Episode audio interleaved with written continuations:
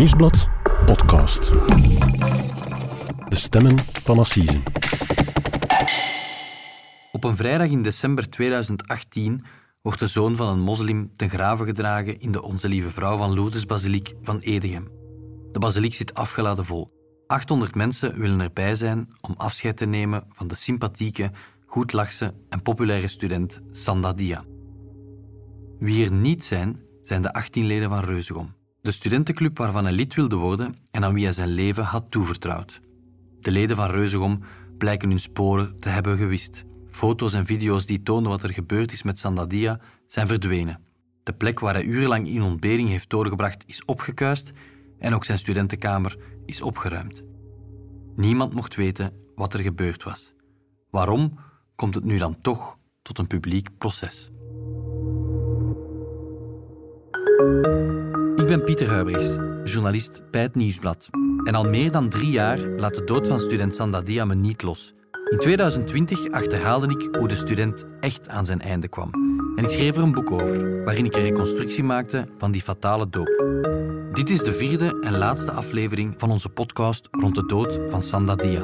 Een special van de stemmen van Assise, in samenwerking met Storytel, het platform voor duizenden luisterboeken. Samen met de familie van Sandadia, zijn beste vrienden, maar ook de leden van Reuzegom die voor het eerst omerta doorbreken, ga ik op zoek naar wat er die nacht echt gebeurde.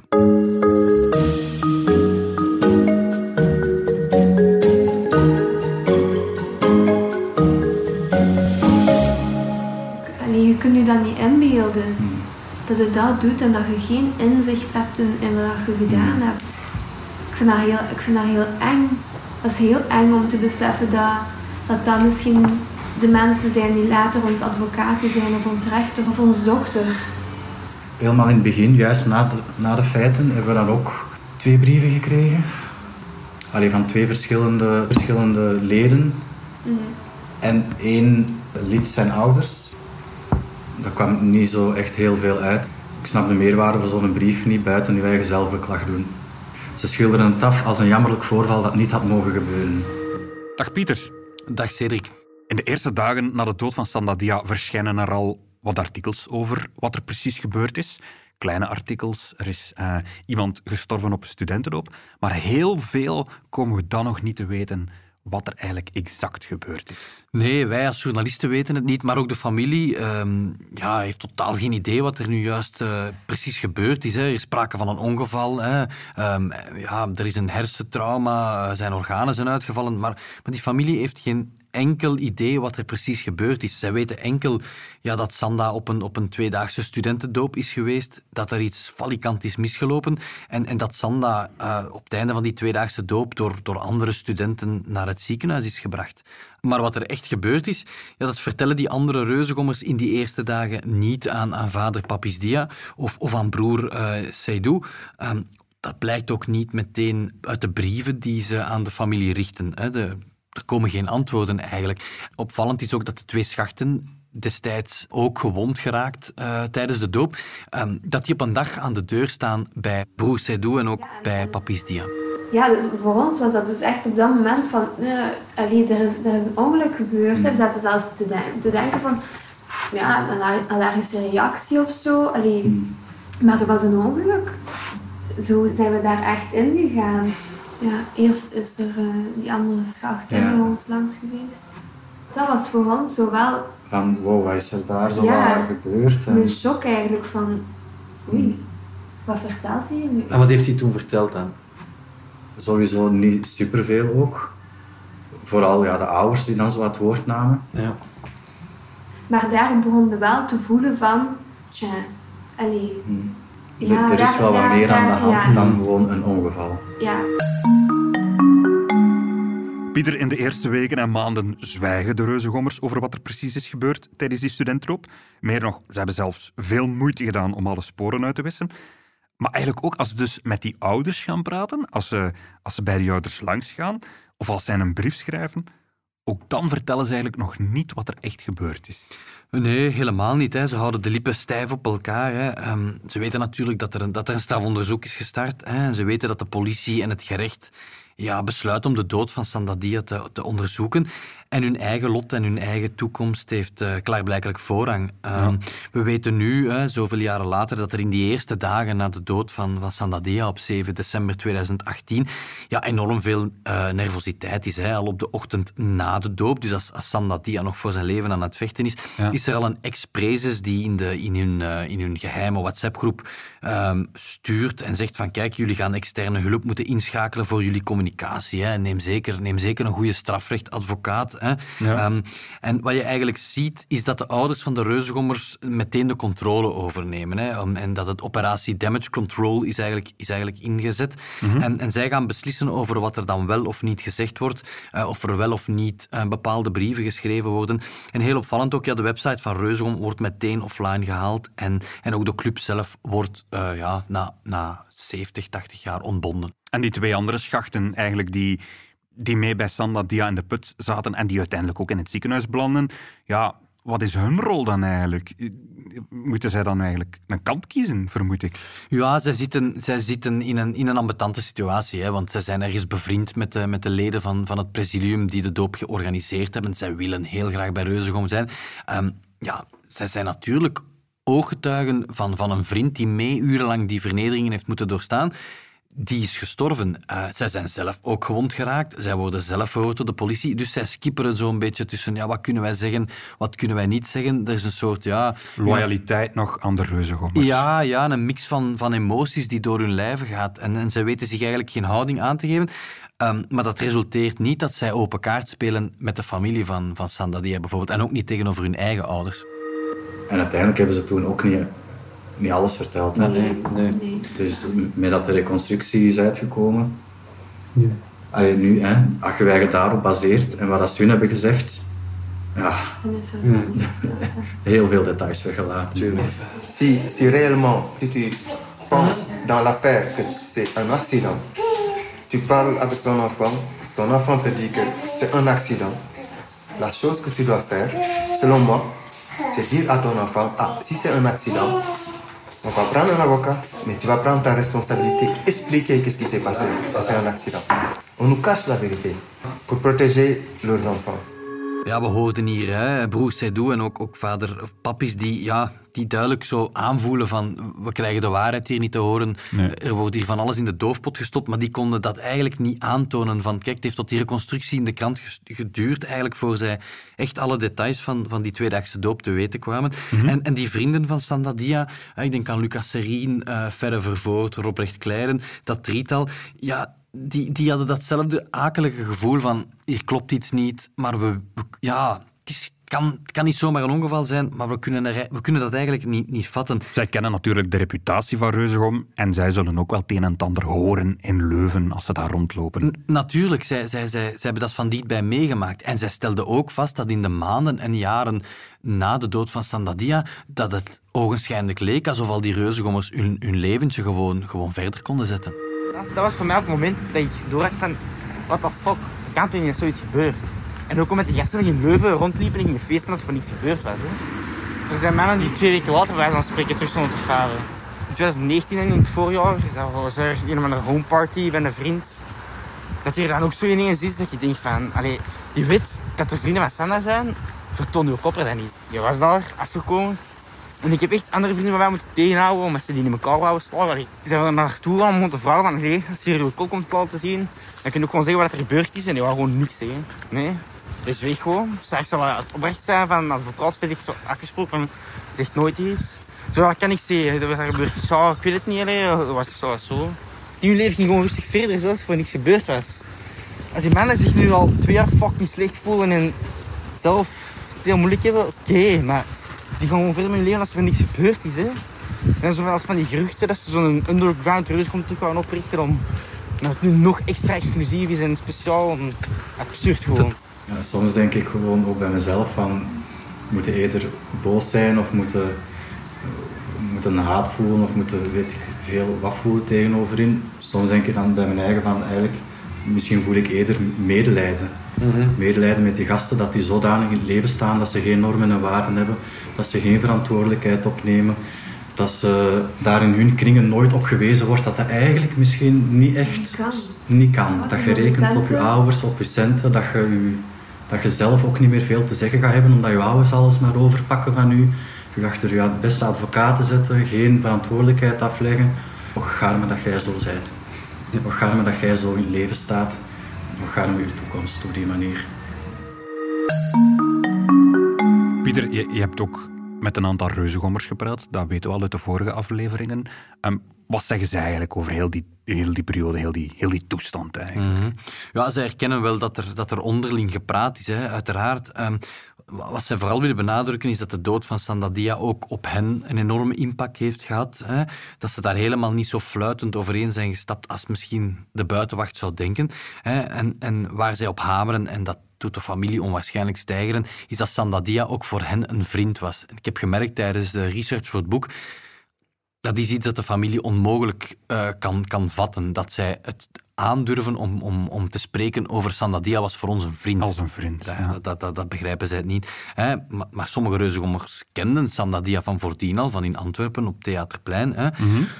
Ja, het staat buiten kijf dat, dat voor velen reuzengommers Sanda's dood ook, ook een zware klap voor hen was. Hè? Ehm, zelfs al moesten ze zich van hun ouders en hun advocaat gedijst houden, eh, ook zij hebben om zijn dood geweend, uiteraard. Ruzie onderling in de dagen nadien, dat is er volgens mij niet geweest. Na de doop hebben we allemaal afgesproken om te gaan wandelen, om er sereen bij stil te staan. Dat was al na de begrafenis. Iedereen was heel emotioneel. We horen hier een stemacteur ehm, die inleest wat, wat een van de reusgommers destijds aan mij verklaard heeft voor het boek. En eh, dat brengt ons bij een, bij een zeer aangrijpend moment dat er ook geweest is in de, in de jaren nadien. ehm, waar, waar Papis Dia, de vader van Sanda, ehm, oog in oog komt te staan met een reuzegommer op het kerkhof eh, waar, waar zijn zoon begraven ligt. Eh, je moet weten, ik denk dat Papis Dia de voorbije jaren haast elke dag op dat kerkhof geweest is. Dat is voor hem een plek om dicht bij zijn zoon te zijn, om, om weg te zijn van de wereld, om, om in stilte te kunnen rouwen. Ehm, hij is degene die daar de kaarsen aansteekt, de bloemen eh, ververst. En op een dag eh, ziet hij daar een student zitten die hij niet kent. Il y a des moments où je me sens vraiment pas bien, je vais là-bas tous les jours. Et euh, je suis venu, j'ai trouvé un gosse qui est assis par terre, je viens et il avait peur. Il s'est levé, il a commencé à trembler et il voulait partir. Je lui ai euh, ça, euh, je suis un, un des gosses, un des 18. Je passe ici pour témoigner mon. Et, euh, Dus ja, en hij zegt, die reuzegommer zegt van ja, wat er gebeurd is, dat nooit, nooit mogen gebeuren. Ik, ik vraag u, beste vader van Sanda, kan je mij vergeven? En, en ja, dan gebeurt er iets magisch. En, en de vader van Sanda vergeeft die reuzegommer aan het graf. En hij zegt van letterlijk, ik, ik ben meer boos op uw ouders dan op jou. Ehm, en, om, en om dat te bewijzen ga ik u een knuffel geven. En, en Dat lijkt me een zeer pakkende, beladen scène ook daar aan het ja, ja, moet je dat inbeelden, dat, dat, dat, ja, dat die vader hem, die reuzegommer in die setting knuffel geeft. Ik krijg er kippenvel van als ik het, als ik het, als ik het vertel. En ja, hij zei mij toen ook van... Ja, nadien, nadien werd ik overmand door emoties. Ik kon niet blijven. eh, ik ben moeten vertrekken. En ik heb die reuzegommer daar aan het graf van Sanda achtergelaten. Maar dus, Pieter, de vader van Sandadia is eigenlijk bozer op de ouders van die reuzengommers dan op de reuzengommers zelf. Ja, hij zegt dat die ouders compleet gefaald eh, hebben eh, in de opvoeding van die, van die reuzengommers. Dat, dat zijn totaal andere eh, normen en waardeschalen hebben meegekregen, een totaal andere opvoeding dan, dan degene die hij zijn zoon heeft, heeft meegegeven. Herinner u, ehm, in die eerste afleveringen hadden we het over die diep filosofische gesprekken die vader en zoon hadden. Ja. Ja, daar hecht hij onwaarschijnlijk veel belang aan. En, en ja, een voorbeeld, een paar uur na die, die pakkende scène op het kerkhof, stond Ja. de moeder van die reuzegommer eh, aan de deur. Ehm, die Bij zag de een vader van Sandadia. Ja, die zag een opportuniteit van, kijk, ah, je hebt mijn zoon vergeven, ik wil als moeder misschien mij ook even mijn spijt gaan betuigen. Ja. Wel, hij heeft gewoon zijn deur niet open gedaan. Nee. Je lui dis, mais non, je te connais pas, je veux pas. Et puis tu viens pas chez moi comme ça, juste. C'est comme s'imposer. Je peux pas te laisser rentrer. Et puis j'ai dit non, je peux pas te laisser rentrer. Je, je suis pas, je, je suis pas, je suis pas encore euh, assez guéri pour te laisser rentrer chez moi. On est parti.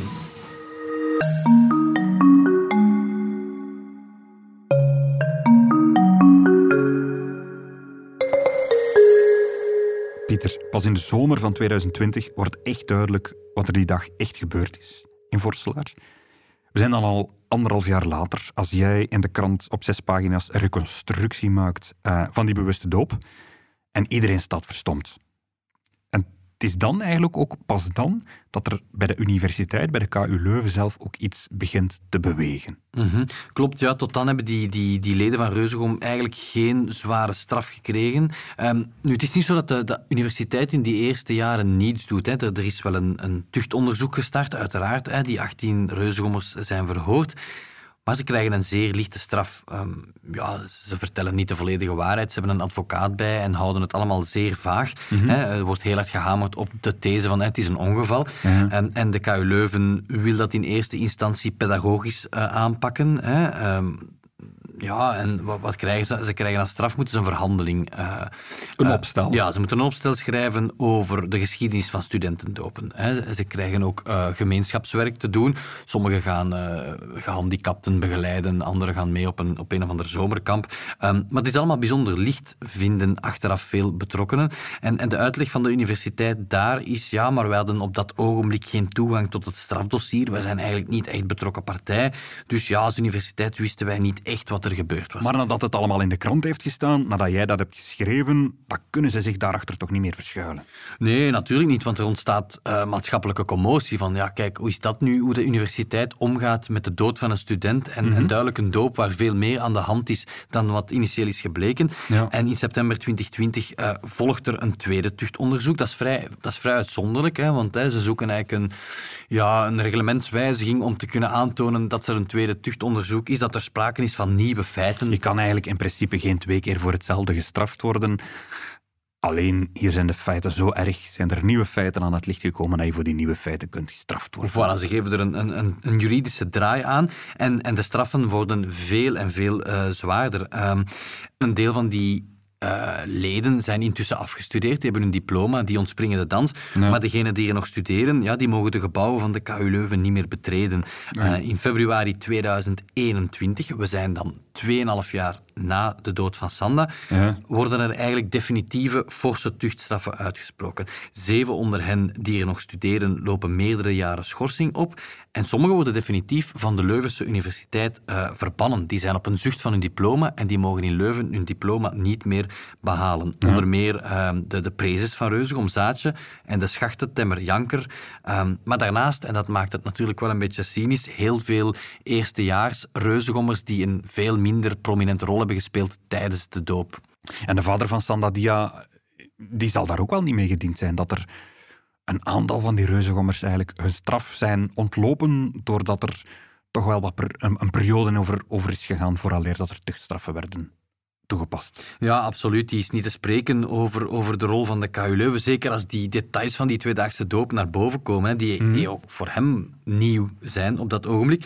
En hij zegt, ja, ik wil nooit in mijn leven nog een voet in Leuven zetten. Ik, hij, hij, weigert ook elk gesprek. Hij, de, de, de, uitgestoken hand van, van rector Luxels. Die heeft hem gevraagd, die heeft hem uitgenodigd voor een gesprek, maar hij gaat daar niet op in. Nee, hij is kwaad en hij ventileert zijn boosheid effectief op de KU Leuven en in de persoon van, van Luxels. Want die tweede tuchtprocedure, ja, voor hem kwam die veel en veel te laat. En hij verwijt de rector dat door zijn toedoen ja, de familie nooit de waarheid zal kennen over wat daar exact gebeurd is. Net omdat het in het begin allemaal vaag, niet concreet is, is, is geworden. En, en ja, ja, ze hebben, ja, de potjes zijn toegedekt gebleven. En hoe had, als, als er een, een snelle tuchtstraf was uitgesproken, hoe, hoe had dat dan wel de waarheid aan het licht kunnen brengen? Wel, hij zegt van ja, als de universiteit uh, die reuzengommers onmiddellijk geschorst had hè, en, en, en, echt betrokkenheid had getoond en zich burgerlijke partij hadden gesteld in dat strafdossier, mm -hmm. dan zouden er misschien enkele reuzengommers toch gepraat hebben. Dan was die omerta er je suis très fâché sur, sur. Ouais, et j'espère que je vais jamais le voir le recteur parce que je suis très fâché. Parce que si le recteur il avait fait son travail, on aurait su peut-être, on avait une chance de savoir la vérité. Qu'est-ce qui s'est passé? Au début, il a undershot la situation. Je ne peux pas lui pardonner parce que il ne reconnaît pas qu'il a fait une faute. Il a laissé les gosses, il les a permis de continuer, de se voir, de se parler, de faire un groupe de WhatsApp, de dire qu'est-ce qu'on va faire et qu'est-ce qu'on va dire. Nous, on ne pourra jamais savoir la vérité. Pour l'instant, même si demain les gosses ils viennent, ils avouent, oui, j'ai fait ça, j'ai fait ça. Dans mon fort intérieur, je ne peux pas croire. Ils m'ont détruit ma vie pour toujours. Je fonctionne plus, je fonctionne plus, je sais plus fonctionner parce que je vis avec ça et le fait de ne pas savoir qu'est-ce qui s'est passé, au fond, c'est ça qui me détruit. Dus, dus je voelt, Cedric, ja, die, die, die frustratie bij Papis Dia zit, zit zeer diep. Hij verwijt de KU Leuven dat ze niet meteen die 18 reuzengommers geschorst hebben tot er eigenlijk duidelijkheid was wat er gebeurd was. Hij zei me van, ja, het is niet zo dat er, dat er een been gebroken was of een arm gebroken was. Nee, er was iemand gestorven. Er was een persoon dood. Ja, dan moet je meteen handelen, meteen preventief schorsen. En dat, dat verwijt hij de KU Leuven. Dat, ze- dat ze eigenlijk ja, weinig daadkracht hebben getoond. Daarnaast verwijt hij hen ook voor ingenomenheid. Eh, hij meent dat de rector een afweging zou hebben gemaakt tussen ja, enerzijds die rijke, invloedrijke families van de, van de Reusgommers en anderzijds ja, de eenvoudige, arme familie van Sandadia. En dat de rector zou geoordeeld hebben ja, dat hij met de familie van Sandadia minder last zou hebben. qu'il a contact avec les- certains parents de, de certains gosses. Et il sait qui ils sont. Et quand il est venu dans le basilic, il a vu les parents de Sanda. Et il sait qui nous sommes. Ils ne nous connaissent pas, mais il a vergeleken op de USK. Et les autres, ça pèse beaucoup plus lourd. C'est ça qui me fâche. Après, il m'a appelé une fois. Oui, il m'a appelé, mais je lui ai dit, tu sais, je suis tellement fâché sur toi que je ne veux pas te voir parce que si je te vois, je ne sais pas qu'est-ce que je vais faire. Je suis fâché. Et je te le répète, je suis vraiment razend. Ik, ik weet niet wat ik kan. En daarom wil ik niet met u praten, wil wil ik met u zien. Pieter, eh, de vader is duidelijk nog heel boos op de rector. Hij, hij herhaalt het hier nog eens. Hij, hij, hij wil niet meer naar Leuven komen. Hij wil ook niet met de rector spreken. Is gewoon kwaad. Je hebt daar ook met rector Luc zelfs over gesproken, over gepraat. Wat is de reactie eigenlijk van, van de rector daarop? Wat is zijn houding? Ik ben urenlang op het, op het rectoraat geweest en ik heb een heel lang en, en eigenlijk een heel emotioneel eh, gesprek gehad met, met, rector Luc Sels. Eh, ja, hij kent die woorden van Papis, hè, die, die zijn in interviews een paar keer teruggekomen. Hij heeft die natuurlijk gelezen. En die woorden doen hem pijn, eh, zegt hij, en dat meent hij ook. Hij heeft het interview zelfs in een bepaald moment onderbroken, omdat hij, omdat hij overmand was door emoties. Dus dat was abso- absoluut niet ge- gespeeld. Dat raakt hem, dat is een steek door zijn hart. En voor alle duidelijkheid, hij ontkent dat die, dat die beslissing destijds beïnvloed is geweest door de ouders van, van de Reuzegommers. Eh, eh, hij zegt, ik heb met geen enkele ouder van een Reuzegommer gesproken. Laat staan dat er een afweging is gemaakt tussen de twee kampen. We hadden hier graag als wederwoord enkele passages van het interview met rector Luc Zelts laten horen, maar de rector liet me net voor publicatie weten dat hij hiervoor geen eh, medewerking verleent. Hij heeft inhoudelijk trouwens geen enkel probleem met deze podcast, maar het interview dateert intussen al van een jaar geleden eh, dat ik met hem had. En het werd opgenomen trouwens in een, in een andere context, namelijk voor het boek dat ik schreef eh, voor Dasmar.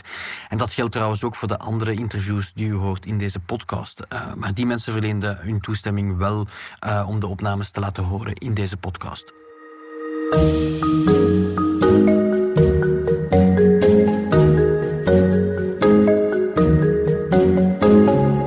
Pieter, nog een van die vraagstukken die altijd weer opduiken, is de vraag natuurlijk in welke mate Dassan Dia slachtoffer werd van racisme. Hè. Werd hij harder geviseerd door de reuzengommers omwille van zijn Afrikaans afkomst, is eigenlijk de vraag. Ja, natuurlijk. Hè. Sanda heeft een andere huidskleur.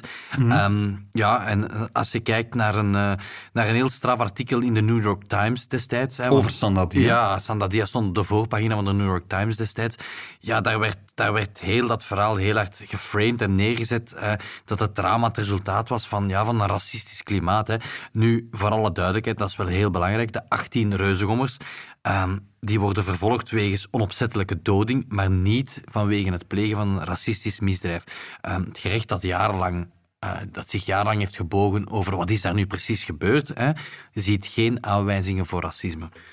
Nu, als je gaat spreken met, met vader Papis Dia, ja, dan zegt hij wel, volgens zijn overtuiging heeft racisme wel degelijk een rol gespeeld. Hè. Hij denkt dat zijn zoon anders behandeld is binnen Reuzegom, net omdat hij zwart was. C'est des menteurs. C'est des menteurs. Ils ont vraiment expérimenté avec ça. Et parce que tout simplement, c'est un jeune noir. Je n'aime pas dire ça. pensaient qu'avec un blanc, je pense pas qu'avec un enfant blanc, ils allaient faire ça. En is die overtuiging breed gedragen onder de andere familieleden, onder de vrienden van, van Sandadia ook? Wel ja, goh, de- bij de vrienden van Sandadia klinkt het verhaal genuanceerder. Hè. Ehm, ze zijn er ja, heel hard van overtuigd dat Sandadia racistische praat naar zijn hoofd geslingerd heeft gekregen. Dat hebben we ook gehoord. Ja, en dat heb ik ook aangetoond in mijn, in mijn boek, dat in de maanden voor de tweedaagse doop, dat er wel sprake is van racisme. Daar is eh, wat mij betreft geen enkele discussie over. Ehm, ja, van de drie schachten tijdens de doop heeft Sandadia het het hardst te verduren gekregen. Ehm, Maar ze denken wel niet, die vrienden, dat er een doelgericht plan was echt om, om Sanda aan te pakken, net omwille van zijn huidskleur. Hij is misschien wel op bepaalde vlakken harder aangepakt, maar dat is niet bewust geweest omdat hij zwart was. Dat zal waarschijnlijk wel meespelen natuurlijk. Als je iets in vernedert, dan natuurlijk kan mensen uiterlijk en, en rest gebruiken om iemand belachelijk te maken. Maar ik denk niet dat die gasten je motief was om uit, uit racisme bij te spreken. Ik weet wel dat die gasten echt heel denigrerend waren, ook tegen andere kleurigen. Want ja, eh, de Aha, alfas. aha, aha. Maar ik denk niet dat dat puur was, de met de standaard donker was. Ah, wat is jouw indruk daarover, Pieter? Wel, ik heb, ik, heb, ik heb daar heel veel tijd in gestopt, omdat, hè, want daar was veel maatschappelijke commotie over ook. En dat interview in de New York Times heeft heel wat teweeggebracht. Hè. Ehm, dat blijft een autoriteit als krant natuurlijk. Ehm, eh, zelf heb ik nergens ontdekt dat Sandadia tijdens de doop zelf meer viezigheid moest eten, specifiek omdat hij zwart was. Ehm, hij heeft meer viezigheid moeten eten, hij heeft meer moeten drinken, maar dat had niets te maken, denk ik, dat is mijn eh, conclusie, omwille van zijn huidskleur. En dat blijkt ook niet uit die vele berichten die bijvoorbeeld eh, die de politie heeft kunnen inkijken van de reuzengommers. Dus ze hebben hun communicatie eh, vernietigd, maar de politie heeft dat wel teruggevonden. Uit die berichtjes blijkt ook niet dat er ergens een racistisch motief... Nee, en dat is heel interessant, omdat zij dan eigenlijk onder elkaar zijn. Hè. Het is de praat die zij, die zij zelf eh, gebruiken. Ze staan er niet bij stil dat de politie dat later zal, zal horen. Nee, en een van de, een van de berichten eh, komt van Sondage bijvoorbeeld. Die zegt echt tegen een van zijn maten van nee, we hebben hem helemaal niet harder aangepakt dan die twee anderen. Er is, er is ook pech mee gemoeid. Het heeft niets met, niets met zijn huidskleur te maken. Ja, en op dat ogenblik zijn dat ehm, onverdachte en zeer waardevolle, allee, belangrijke ehm, ja, instrumenten voor de politie. Is ook een van de centrale vragen, Cedric, waarmee ik naar de reuzengommers ben getrokken. Ehm, ja, ik heb ze allemaal proberen eh, te spreken en drie onder hen ehm, zijn daarop ingegaan. En, en dat is wat zij daar zelf over verklaren. Het beeld wordt geschetst dat wij er één zwarte jongen zouden uitgehaald hebben en dat we die extra hard aanpakten omdat hij zwart was. Dat is absurd. Hij was gewoon een schacht zoals alle andere schachten. En hij zal inderdaad neger genoemd zijn. Dat is uiteraard racistische klap. Maar je moet dat zien binnen de relatie tussen een schacht en zijn club. Van elke schacht worden de kenmerken uitvergroot. Reuzegom was rechts. Er werden bepaalde liedjes gezongen, maar het was geen bende racisten.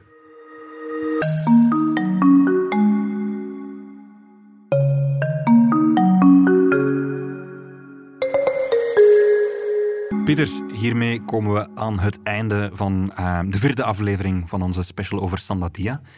Ehm, jij gaat dat proces voor ons volgen. Dat gaat een intens proces zijn, maar ja, het is tijd dat de waarheid aan het licht komt, denk ik. En wat daar gebeurt, dat kunnen we allemaal lezen de komende dagen en weken in de krant, op de app en op de website van het Nieuwsblad. En daarna zijn wij er terug elke vrijdag opnieuw met een nieuwe aflevering van onze podcast De Stemmen van een Dit was de vierde en laatste aflevering van de special van Stemmen van Season over de dood van Sandadia. De stemmen waren van Pieter Huibrechts en van mezelf, Cedric Lagast.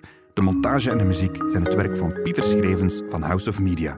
En de productie gebeurde door Bert Heijvaart.